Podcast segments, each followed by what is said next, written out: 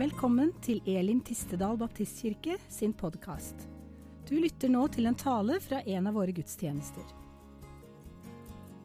Bare lyst til å understreke den ene dagen denne uka, nemlig tirsdagen. Jeg ønsker dere veldig velkommen til å komme der altså på smågruppefesten. Hvis du bare har lyst til å vite litt om hva vi, hva vi holder på med, og hva smågrupper er, eller tenker at det kunne vært interessant, så er du veldig velkommen. Så gi beskjed til, til meg an, angående det. Og Det er mye spennende som skjer i smågruppene, smågruppene eh, og for tiden, så vi gleder oss over det. Så eh, Det er sånn at eh, rettferdighetssans det er noe som ligger i oss. Det er noe som vi alle kjenner på. Det er noe i oss som, som kjenner at uh, om det er noen som gjør noe galt så fortjener den straff. Det kan være noe så helt, helt enkelt og, og, hverdagslig holdt jeg på å si, som vi foreldre ofte opplever. da. Nå kan jeg jo si dette nå som barna har gått på barnemøte. At hvis barna har brutt noen løfter de har gitt oss, liksom, eller de gjør noe som vi, er, vi syns ikke er greit, så, så ligger det liksom ikke i oss at ja, dette skal de jammen få noe godt for. Det skal de liksom få betalt for, eller at de skal få belønning for det gale de gjør. Eller, eller når de bryter noe som en, en, løfte de har gitt oss. Da kjenner vi at nei, det er mer naturlig da, det er at de på en eller annen måte må få konsekvens, det må få en eller annen slags konsekvens for dem. Eh, ja, det riktige blir heller at de kanskje mister noen goder for at de skal liksom skjønne og forstå at dette her ikke er greit å gjøre. For eksempel. Eller når vi, liksom det, Noe som er større og mer dramatisk, da, når vi eh, i ulike medier leser om ulike forbrytelser som er begått, så kjenner vi at det vokser opp noe i oss der vi tenker at vet du, vet du hva, det er viktig at den som har gjort dette, blir tatt, og at den får sin straff. Altså, det er en sånn rettferdighetssans som ligger i oss. Og så kan det være sånn at vi kjenner på mange ganger at ja, det, det, passer, det, det, står ikke alltid i forhold heller. At vi, vi syns noen ganger at, at, at, eh, den straffen som ble gitt, ikke står i forhold til det som ble gjort. Og mange ganger så kan vi også kjenne på dette at vi syns det er skjevt. At eh, ja, men får, Så får man den straffen for, for den tingen, men, men, bare den straffen for noe som vi syns er mye, mye mer alvorlig. ikke sant? Så kjenner vi at, at det engasjerer oss. Det ligger noe i oss en sans av rettferdighet og forståelse om at skyld, den fortjener straff. Sånn har det alltid vært. I vår kultur og andre kulturer og i vår tid og til alle tider så har dette eksistert på ulike måter. Det ligger i mennesket. Så er det jo sånn at også i møte med det som en del av dette her, så kjenner vi jo også sjøl på at vi bærer på sånn skyldfølelse av ulike grunner. Tanken om at ja, noe jeg har gjort eller noe jeg har tenkt eller sagt, det fortjener eller ikke fortjener et eller annet. Vi kjenner at, at, at, at vi bærer på en eller annen form for skyldfølelse. Og så finnes det skyldfølelse som vi kan nesten kalle for, for en sånn sunn skyldfølelse. Ja, det er viktig, det. Å kunne kjenne at har jeg sagt noe dumt til et menneske, så er det godt og sunt for meg å kjenne at hva, dette er virkelig dårlig gjort. Dette, dette, dette, er det godt og viktig at jeg kjenner en skyld for. Men akkurat denne skyldfølelsestanken, skyldfølelsesbegrepet, er ikke alltid så lett å forholde seg til. For det finnes også sånne skyldfølelser som jeg har lyst til å karakterisere for ikke gode. Eller du kan eh, hente fram de to begrepene skyld og skam. Dette med skam det er, det, Noen ganger så, så, kan vi kjenne på noe. Vi tenker at det er noe skyld for noe jeg har gjort. Men så er det ikke nødvendigvis det.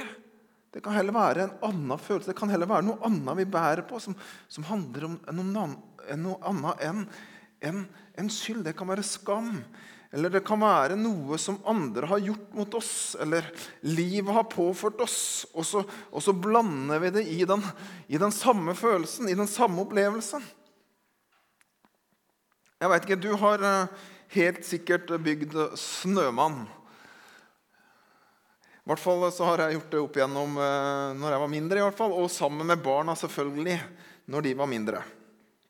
Og Da er det jo sånn at da begynner vi med en liten snøball, ikke sant? og så ruller vi den, og så blir den større og større. Og så til slutt, så, så husker jeg hvert når jeg var liten gutt, så rulla jeg den så stor at den ble en kjempestor koloss. Og til slutt så, så lå jeg over denne snøballen med hele kroppen for at den i hvert fall skulle få en liten, liten runde til og kanskje bli enda litt større. Og så er det sånn at Her i distriktet vårt, da, i vår del av landet, så er det jo lite med snø. Uh, og, men det, det, har i hvert fall ikke hindra oss allikevel å bygge snømenner opp igjennom. Det er en nabo av oss, ikke han som sitter her nede, men en, et par hus nedafor. Det fortelles om han. Og det, det, det er helt sant at, at Kai og Lisbeth vet om jeg tenker på nå. Altså, altså, så fort det er rim på bakken, så har han ute og går på si. Sant? Og det er, nest, det er, nesten sant. Men sånn er det litt med oss også, i hvert fall når vi hadde, når vi hadde barn. Altså, så fort det kom litt snø, så var du ut og skulle bygge og lage snømenn. Og så begynte det å rulle i snøen, ikke sant? og det var jo så lite snø at, at du, du, du, måka samtidig. Det var jo bart der snøballen hadde blitt rulla. Og denne snøballen vi rulla, den var jo både full av snø, men også av jord og kvist og dødt gress. Og det frista ikke til å spise snø av disse snø, snøballene der. Vet du, Noen ganger så kjennes livet sånn ut. Som om vi til stadighet ruller et eller annet som blir bare større og større. Byrder av skyldfølelse og andre følelser. Og så blir det bare større og større etter hvert som livet skrider fram. Og til slutt så kan det kjennes som om denne kjempekolossen ja, har blitt så stor at det på en måte gjør at hele livet vårt, i hvert fall vårt liv med Gud, ja, til og med kanskje hele livet vårt, stanser opp. Vi kommer ikke videre for denne, denne, denne skyldebyrden, for å kalle den, den har blitt så stor at vi ikke klarer å komme oss videre. Og så kan det være så mye ulikt i, denne, i, dette som vi bærer på, at vi ikke helt klarer å sortere. Ja, Det blir som denne blandingen av snø og gress og kvist og jord. Det kan handle om ord som vi har sagt. Det kan være, handle om feil som vi har gjort. Det kan handle om valg vi har gjort. Men ikke bare, det kan være, handle om ting som vi sjøl har opplevd. Det kan handle om skam vi bærer på. Det kan handle om sår som vi fikk, eller sår som vi ga. Og så oppleves det som om livet i seg sjøl eller livet med Gud det står i en stampe. Vi kommer oss ikke videre. På junioren vår, som vi har på torsdager, så med, med, så har vi intervju med ungdommene våre. Vi har en stor gjeng med ungdommer som er aktive i barn- og ungdomsarbeidet vårt. Eh, og Vi kaller dem for helter. Og Nå er det 25 helter i år. Det syns vi er utrolig morsomt. Men på, vi spør dem om, på, junior om de kan ha lyst til å bli intervjua, sånn at barna som er på junioren, kan bli litt bedre kjent med dem. Og så har vi et intervju, og der skal de svare på fem faste spørsmål. Og ett av disse spørsmåla er om de kan dele et bibelvers som betyr spesielt mye for dem. Og så skal de si noen ord om hva, hvorfor dette bibelverset betyr spesielt eh, noe for dem. da. Og Da var det ei, ei av ungdommene som for noen uker tilbake delte dette verset, som er kjent og kjært for mange. Og Det er dette verset som vi, vi kan lese om i Matteus kapittel 11, vers 28, der det står sånn Kom til meg, alle dere som strever og bærer tunge byrder, og jeg vil gi dere hvile.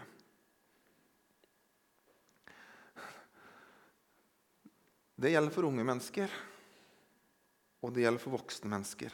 Det gjelder for oss alle. Vi kan få lov til å komme til ham med denne her store, store lasset av ting vi bærer på.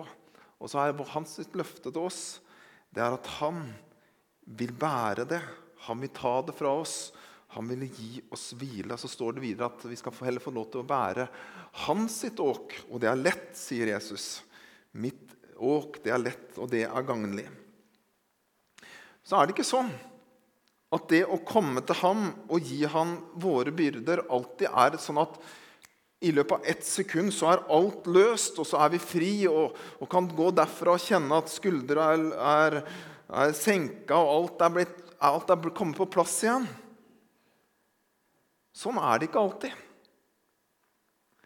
Det er oftest sånn at det å gi Jesus våre byrder, og det at han kommer til oss og tar dem og gir oss hvile, det er mer Det er som oftest en prosess der vi trenger mer og mer å lære om Bibelens sannheter, og faktisk også å lære å holde fast ved dem. Ja, til og med det å lære mer om oss sjøl. Ja, og mange ganger også så trenger vi hjelp av andre kristne. Derfor har vi smågrupper, f.eks. Eller dette som har med sjelesorg å gjøre. For dette er i samtale med andre mennesker eller i sjelesorgen så kan vi få hjelp av andre, eller vi kan hjelpe hverandre til å sortere i livet. Til å kunne henge de riktige tinga på de riktige knaggene og si at ja, vet du hva, dette er faktisk sunn skyld.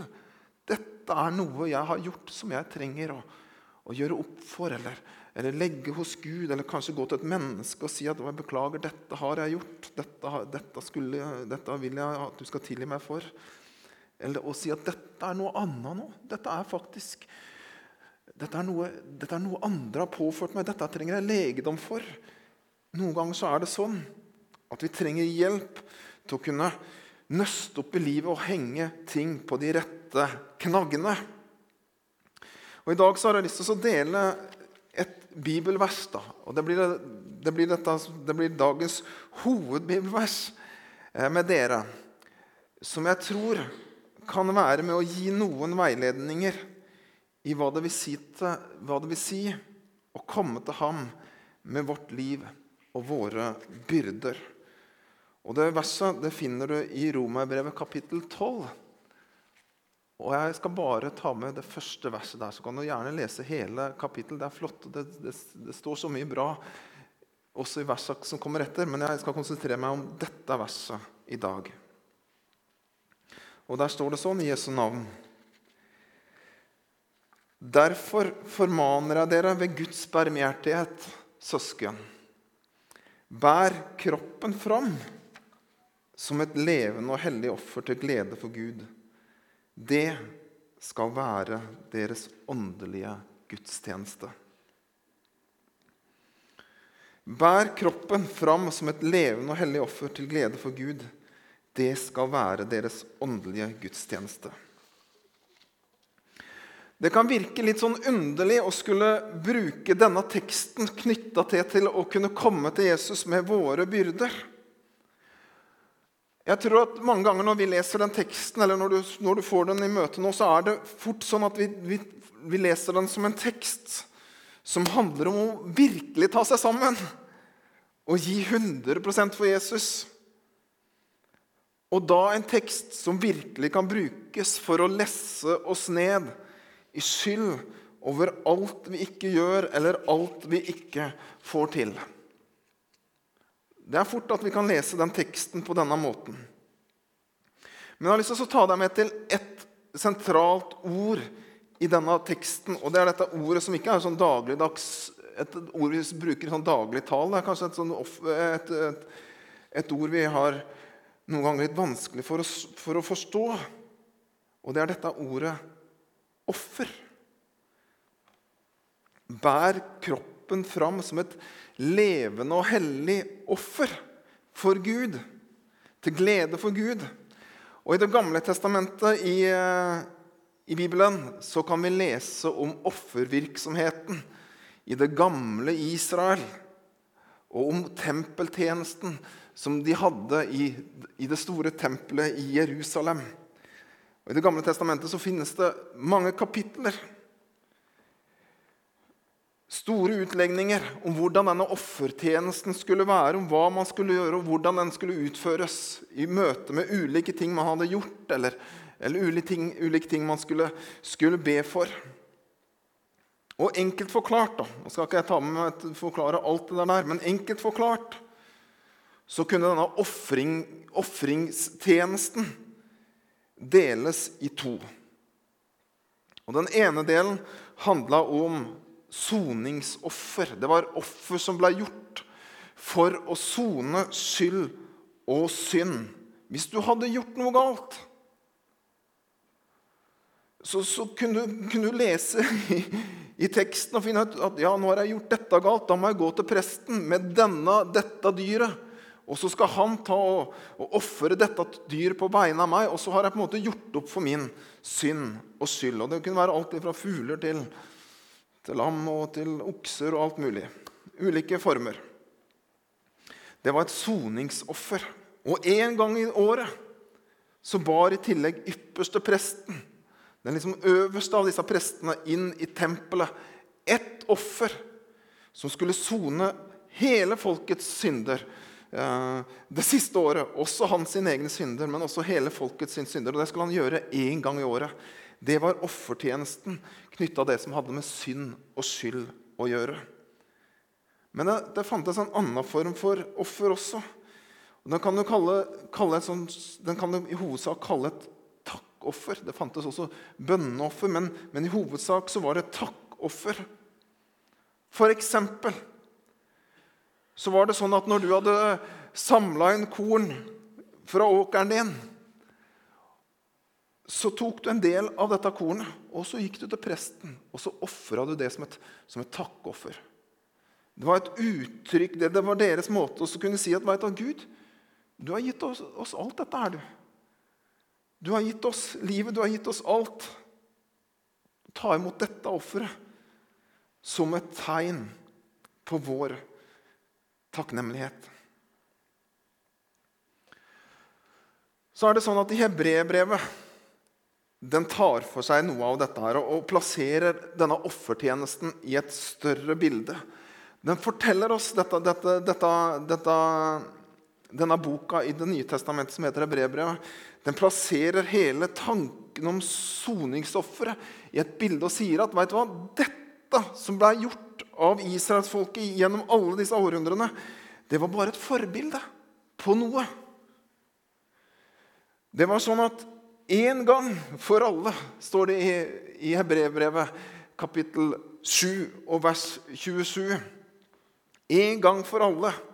Så ja, her står det Han trenger ikke som andre øverste prester, ypperste prester, å bære fram offer hver dag, først for sine egne synder og så for folkets.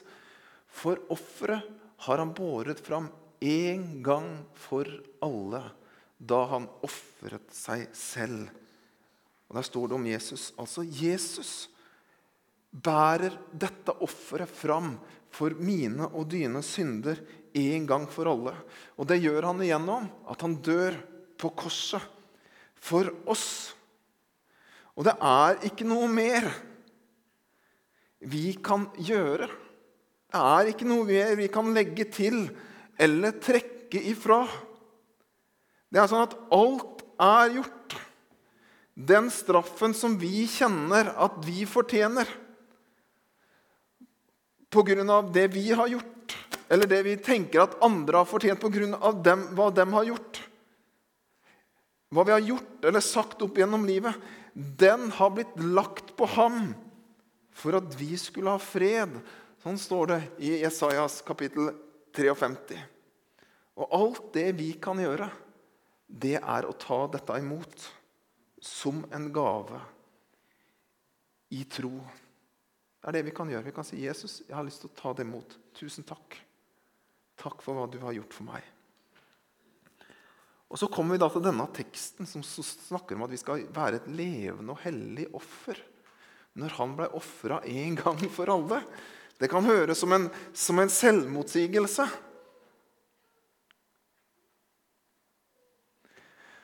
Men det, altså når, vi, når, vi, har hebreerbrevet som bakgrunn, så, så, forstår vi det at det å gi seg sjøl som et levende og hellig offer handler ikke om fra nå av så skal jeg gi 100% for Jesus, sånn at jeg kan bli godtatt eller frelst, eller at jeg skal nå gi meg sjøl som et slags offer for å kunne gjøre opp for, for synd som jeg har gjort. Altså å gi oss sjøl som et eller annet slags form for soningsoffer. Nei, det er ikke det det handler om. For det offeret, det er gjort én gang for alle. Jesus ble ofra en gang for alle. Men det vi kan få lov til å gi, det er et takknemlighetsoffer. Det er et takknemlighetsoffer. Tenk deg, Du ser dette bildet av denne gutten som ruller denne snøballen av kvist og, og jord og snø og alt dette. Han kommer seg ikke videre. Her kommer Jesus, og hva er det han gjør? Jo, han tar og og løfter den snøballen bort. Han ødelegger den, han knuser den, han legger den flat. Det er han som kommer inn i rettssalen når en forbryter har fått sin fortjente straff og fått dommen. Og så er det han som kommer inn i salen og sier, 'Veit du hva? Jeg, jeg tar på meg denne straffen.' Han har tatt på seg straffen til både meg og deg. Det er han som sier, 'Sønn, datter' 'Jeg elsker deg', når vi sjøl er tynga i skam. Og det er når denne sannheten får rotfeste i livet vårt, når konsekvensene av det bryter, i, bryter, seg inn i våre hjerter, og vi forstår at vi i ham er tilgitt, er fri, er nye Det er da vi kjenner et Ja, hva kan jeg? Hva kan jeg gi tilbake? Hva kan jeg gi tilbake? Hva kan jeg gi tilbake som et tegn på min takknemlighet over at Jesus, du har gitt meg alt? Og det er her Paulus kommer i dette brevet til romerne. Og så sier han jo det du kan gjøre. Du kan bære fram kroppen din som et levende og hellig offer til glede for Gud og si at veit du, Gud, jeg ønsker å være din.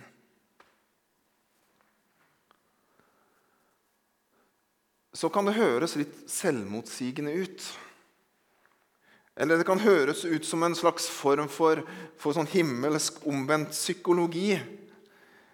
Noen ganger så sier vi det sånn jeg, jeg, jeg, liker, jeg, har aldri likt helt den formuleringen, for jeg føler ikke at den, den er bra nok. Der vi sier at ja, evangeliet er gratis, men, men når du har tatt imot, så koster det alt. Koster det deg alt? Jo, jeg kan forstå det, men, men, men, men allikevel er det noe som skurrer her. Og jeg tror at vi trenger å forstå denne teksten da enda dypere. Jeg har hørt enkelte si at det er umulig å gi ham alt. Ikke sant? 100 Og når jeg, når jeg, hører hva de snakker om, så, så, så, skjønner, så, kan jeg forstå og bli enig, for, for da handler det om Altså 100 Det å gi ham alt handler om å bli, liksom, bli perfekte. Eller fra nå av kunne liksom 100% Alt jeg gjør, det er riktig fra nå av. Og I ungdommelig iver så var kanskje også tankene mine prega av en sånn tanke av at, at det å, det å ja, ja, liksom, Nå skal jeg gi ham alt. Og så en forestilling om at, om at nå, skal jeg, nå, skal jeg, bli det perfekte mennesket. Så er det ikke noe galt i å ønske å bli den beste utgaven av seg sjøl. Det tror jeg er godt for både meg og omverdenen å kunne skulle ønske det. Men det å bære meg sjøl fram som et offer og gi ham alt, og gi ham 100% det har rett og slett fått en annen hovedklang for meg gjennom livet. Å bære seg sjøl fram som et levende og hellig offer til glede for Gud, det er for meg å kunne gi ham alt og det vil si gi ham mine gode sider, men også kunne gi ham mine dårlige sider. Det jeg er stolt av, men også det jeg skammes over, det er å få lov til å komme til han og gi han også mine innerste tanker og mine mørkeste rom, og si at 'Jesus, veit du hva? Du veit alt om meg.' Og jeg har ingenting å skjule lenger. Må du se i miskunn til meg. Det er nummer én. Langt viktigere enn fra nå av så skal jeg gjøre eller være eller få til liksom 100% For det kommer vi aldri til å få til. Og så står det, står det her bær, bær, bær, deg selv, eller kroppen din fram som et levende og hellig offer. Hva står det for noe? Til glede for Gud. Og jeg tror at Gud gleder seg over alt vi gjør og får til også. Men om jeg sammenligner det med et kjærlighetsforhold, om et forhold mellom en mann og kone, eller et, et forhold venner imellom ja, Hva er vi mest interessert i av den eller de vi er glad i? Er det at de nå skal de gjøre en hel haug med ting for oss? Eller er vi mest interessert i at de er åpne og ærlige og sanne med oss? Hva er liksom nummer én? Vi hadde jo likt begge deler, sikkert. Men hvis vi liksom kunne velge det viktigste av disse tinga, liksom at alt den skal gjøre for meg, eller være åpen og ærlig og sann med meg Jeg hadde valgt syv dager i uka det siste. Ikke sant? Det er det viktigste. For meg så starta mitt kristenliv med å dypt erkjenne at jeg ikke fikk til å være en kristen. Der starta mitt kristne liv. For det handla så mye om krav, om hva jeg skulle få til. Ikke sikkert at det var uttalt, at det var sånn som, som omgivelsene mine tenkte om det, men det var sånn jeg hadde forstått det. Og jeg skjønte bare at jeg fikk ikke til dette kristne prosjektet. Og Jeg hadde forsøkt, jeg hadde vært på leir opp gjennom tenårene. Og jeg hadde, liksom, jeg hadde sagt ja, fra nå av, fra mandag så skal jeg få det til. Og så, og så, gikk det i vasken hver enda gang. Jeg fikk det aldri til. For jeg hadde sånne ulike forestillinger om hva som nå måtte, måtte til. Om hvem jeg da skulle, skulle være. Og Så var det da denne kvelden for 25 år sia som Gud igjen kom til meg, og så kjente jeg at han virkelig kalte meg til å gi mitt liv til ham. Og jeg virkelig kjempa med Gud. Og til slutt så måtte jeg kapitulere. Og jeg sa det på denne måten at Gud, jeg får det ikke til. Jeg klarer det ikke. Du veit at når mandagen kommer, så kommer jeg ikke til å klare å være kristen. Men nå kommer jeg, så gir jeg mitt liv til deg. Sånn er jeg. Og hvis du ikke kan ta meg på denne måten, så får det heller bare være. Den kvelden så opplevde jeg mitt Kall det for et sånn åndelige gjennombrudd. Den kvelden så starta livet mitt på nytt av. Den kvelden så fikk jeg lov til å starte kristenlivet gjennom å erkjenne at jeg ikke får det til den gangen og skulle fått en gal utleggelse av dette verset. Om alt hva jeg skulle være og, og få til i det å være og bære fram offer og være 100 Hvis dette hadde blitt lagt fram på, for meg på en gal måte den kvelden, så kan jeg bare si det med en gang. Det hadde vært kroken på døra for hele mitt kristne liv. Men egentlig så var det dette jeg fikk lov til å gjøre. Jeg fikk lov til å bære meg sjøl fram som et levende og hellig offer og si veit du, Gud, jeg får det ikke til. Det er meg. Det var min måte å kunne gi ham alt på. Å få lov til å være ærlig om mine feil og mangler. Det er å gi Jesus alt. Ikke å bli perfekt. Ikke å gi han løfte om at nå skal jeg klare dette livet 100% fra nå av. Men jeg kunne si at vet du nå skal jeg være åpen og ærlig med deg fra nå av, Jesus. Og jeg trenger deg i alt. Og så er det godt å gjøre noe. Det er godt å gjøre noe. Det er godt å gi tilbake. Det er godt å tjene Gud. Og det ligger helbredelse, både fysisk og mentalt og åndelig, og i å tjene og gjøre og være aktiv. Det tror jeg vi alle sammen har erfart på ulike måter. Jeg har sagt noen ganger, jeg har vært gjennom litt sånn ulike tunge perioder, og de har spurt meg hva, hva, hvordan, hva, liksom, hva hjalp deg med dette. Der? Og så sier jeg at ja, bak huset mitt der ser du hvor jeg ble frisk. Der ser du, der ser du hvor, hvor, jeg fant kreften igjen. Og der har jeg drevet og bygget. Vært aktiv. To tom, tre tom, fire tom. Skruer. Huet helt der. Det er godt å tjene, være, å bruke kroppen og tjene også Gud og være aktiv. Det første året etter at jeg hadde mitt sånn åndelig gjennombrudd, for å kalle det det, så har jeg lyst til å si det på den måten at jeg bura meg nesten inne. Jeg var sosial med mine venner, altså. men det var ikke sånn at jeg liksom dro land og strand rundt og liksom nå skulle jeg stå på hvert gatehjørne og ropte ut at jeg hadde blitt en kristen. Nei, langt ifra. Jeg torde ikke fortelle det på skolen. Jeg sleit med å fortelle det i min egen familie. Og jeg bura meg nesten, jeg bura meg inne på mange måter. Las mye i Bibelen, ba mye. Jeg gikk på møter overalt. Jeg tror jeg dro ned gjennomsnittsalderen på de aller fleste bedehusa i bygda mi i et år. Betraktelig. Det var meg og en hel haug med eldre mennesker. Stadig vekk bønnemøter. I bedehus, i kirke, i pinsemenighet, overalt. Jeg sugde til meg det jeg hørte. Noen ganger syntes jeg det var ja, i ulike retninger. altså. Men, men, men alltid så fikk jeg noe. Det, det førte meg videre.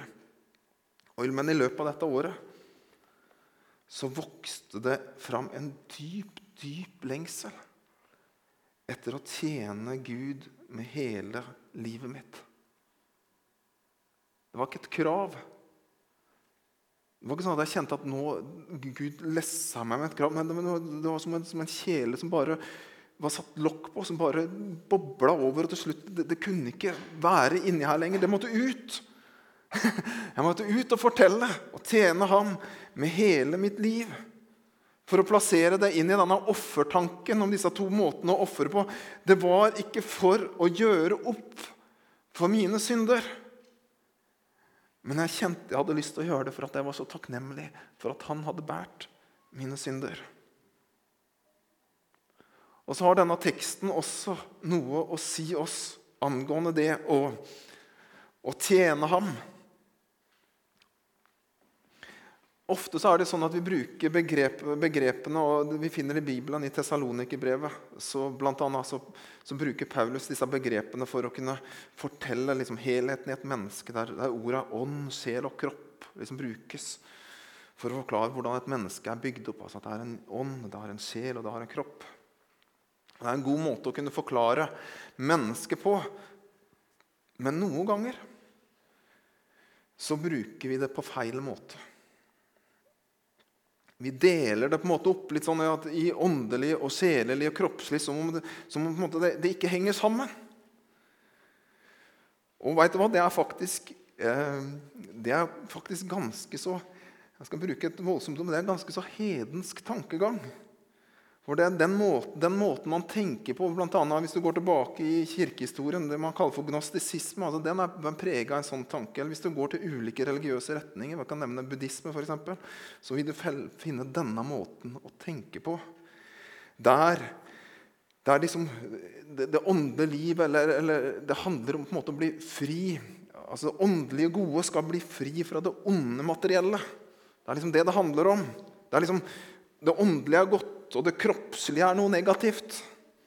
Og, liksom, og det er det livet handler om. Å tjene Gud det handler liksom om å bli fri fra alt det, som, alt det kroppslige for å bare bli åndelig.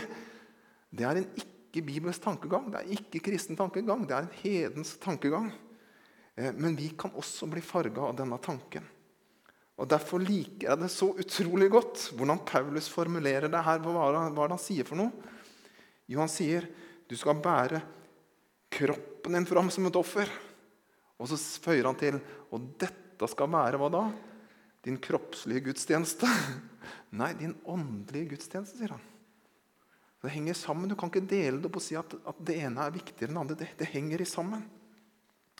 Kroppslig arbeid er åndelig.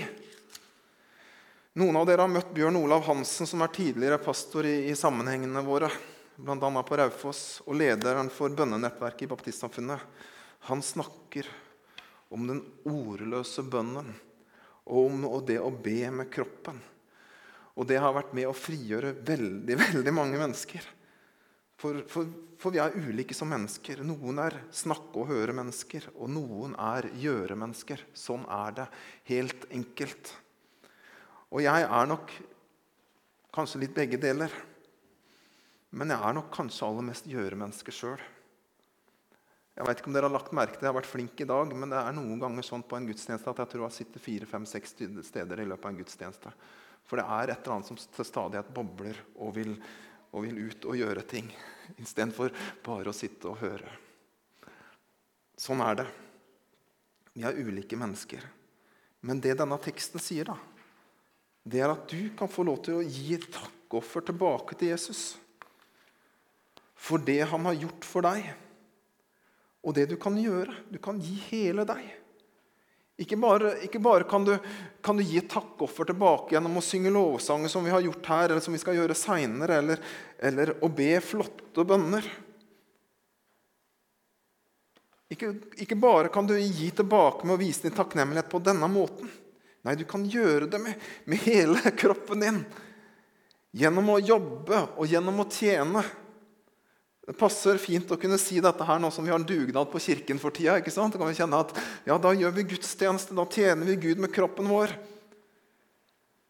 Eller gjennom frivillig innsats, som så mange gjør her uke etter uke i menigheten. Hva er det du gjør? Jo, du lovsynger Gud med kroppen din, med ånden din, med sjelen din. Det er det du gjør. Gjennom å gjøre noe. Og ikke, det stopper heller ikke der. Paulus sier det så sterkt i Kolossebrevet kapittel 3 og vers 23. Dette tror jeg vi noen ganger glemmer.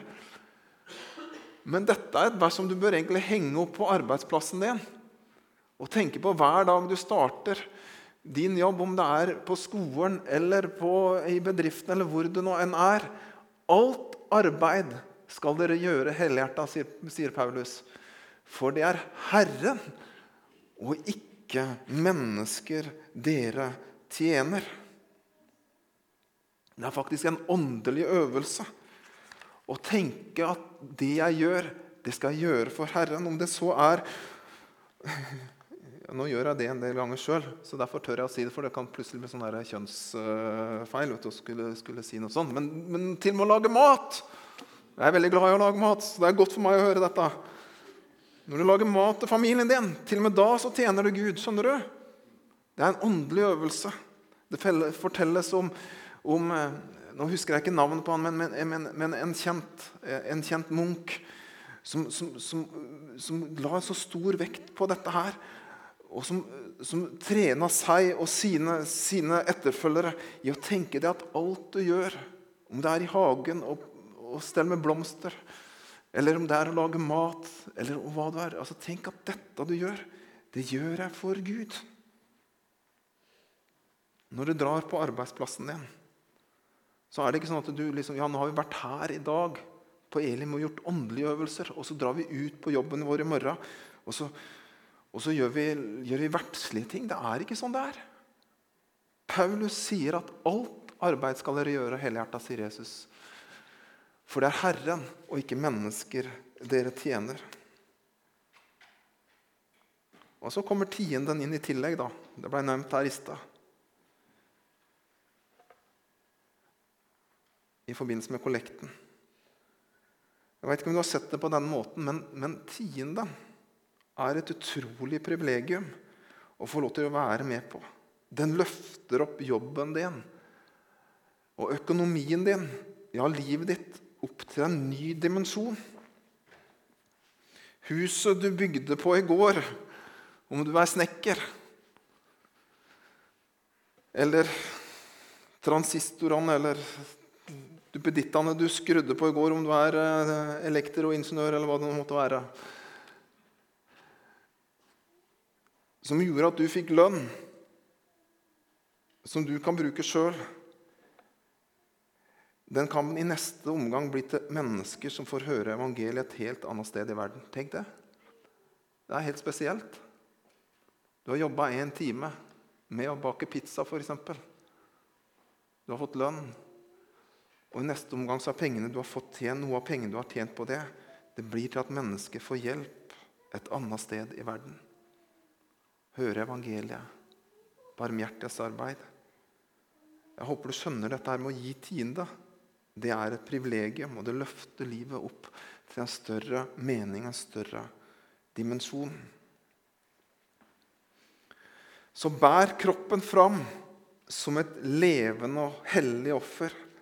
Det skal være deres åndelige gudstjeneste.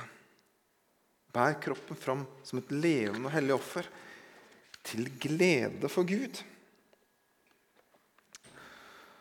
Og så er jo da spørsmålet litt til slutt hvordan er det med deg? Kjenner du deg igjen i dette bildet av denne snøballen? Er det sånn at livet ditt består i å bære på mange byrder eller rulle rundt på ulike ting som du ikke helt veit lenger hva består av? Jo, du veit at noe av det er kanskje dårlige valg, eller noe er. men du vet ikke alt, men du kjenner bare at, at alt dette gjør at livet på, på ulike måter står i stampe. Eller blir det sånn at ofte sånn at det du gjør for Jesus, blir for å gjøre opp for for noe? Ja, Hvis jeg gjør dette, da kan jeg kjenne på litt bedre samvittighet i forhold til Gud og sånt. Eller er det sånn at du kan få lov til å kjenne bare at du er fri, og at, at du får lov til å gjøre det i ren takknemlighet og glede over hva Han har gjort for deg? Jeg håper at det er det siste. Og om det er det første, så har jeg lyst til å si at du lever på en løgn, og at Gud ønsker å fri deg fra den løgnen. Trenger du mer å forstå at å gi ham alt er å få lov til å være åpen og ærlig for Gud? Ja, så håper jeg du tar med deg det. Eller kjenner du at nå nå er tida inne for bare enda mer å tjene ham med livet mitt. Med ånd og med sjel og kropp. Ja, da har jeg lyst til å si Gud velsigne deg. Gud velsigne deg. Jeg har lyst til å be en bønn. Altså, jeg vil at du skal ta med deg disse tankene inn når vi har nattverd. Så kommer vi også til å gjøre det sånn at det er muligheter til å stanse igjen og bli bedt for for deg som ønsker det. Hvis det er ulike ting du kjenner på at dette vil du snakke med noen om eller bli bedt for, så benytt den anledningen. Eller hvis det er andre ting du kjenner du har behov for. Men det, det tar vi når vi har bønnedelen knytta til nattverden. Men nå har jeg lyst til å be en bønn. Herre, takk at du er her, her hos oss. Takk at du har gjort alt for oss. Takk for ditt offer. Takk at det i virkeligheten var en gang for alle. En gang for meg og en gang for alle dem som er her, Jesus. Takk at vi kan få lov til å komme med vår, med vår skyld og med vår byrde og legge hos deg, Jesus. Og så ser du vi bærer på mange andre ting også gjennom livet vårt. Som vi trenger at du hjelper oss med må du bare komme til hver enkelt, til hver enkelt sitt behov, Herre. Med det hver enkelt måtte bære på av vonde ting, av, av vond bagasje. Må du komme med din legedom og din hjelp. Takk at det ordet er sant, at du er den som ønsker at vi skal komme til deg med våre, våre byrder. Og du ønsker å gi oss hvile. Herre, jeg legger hver enkelt i dine hender. Amen.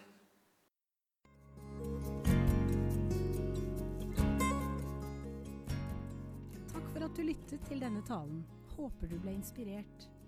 Ønsker du å vite mer om hvem vi er og hva vi gjør? Sjekk ut vår hjemmeside elintistedal.no.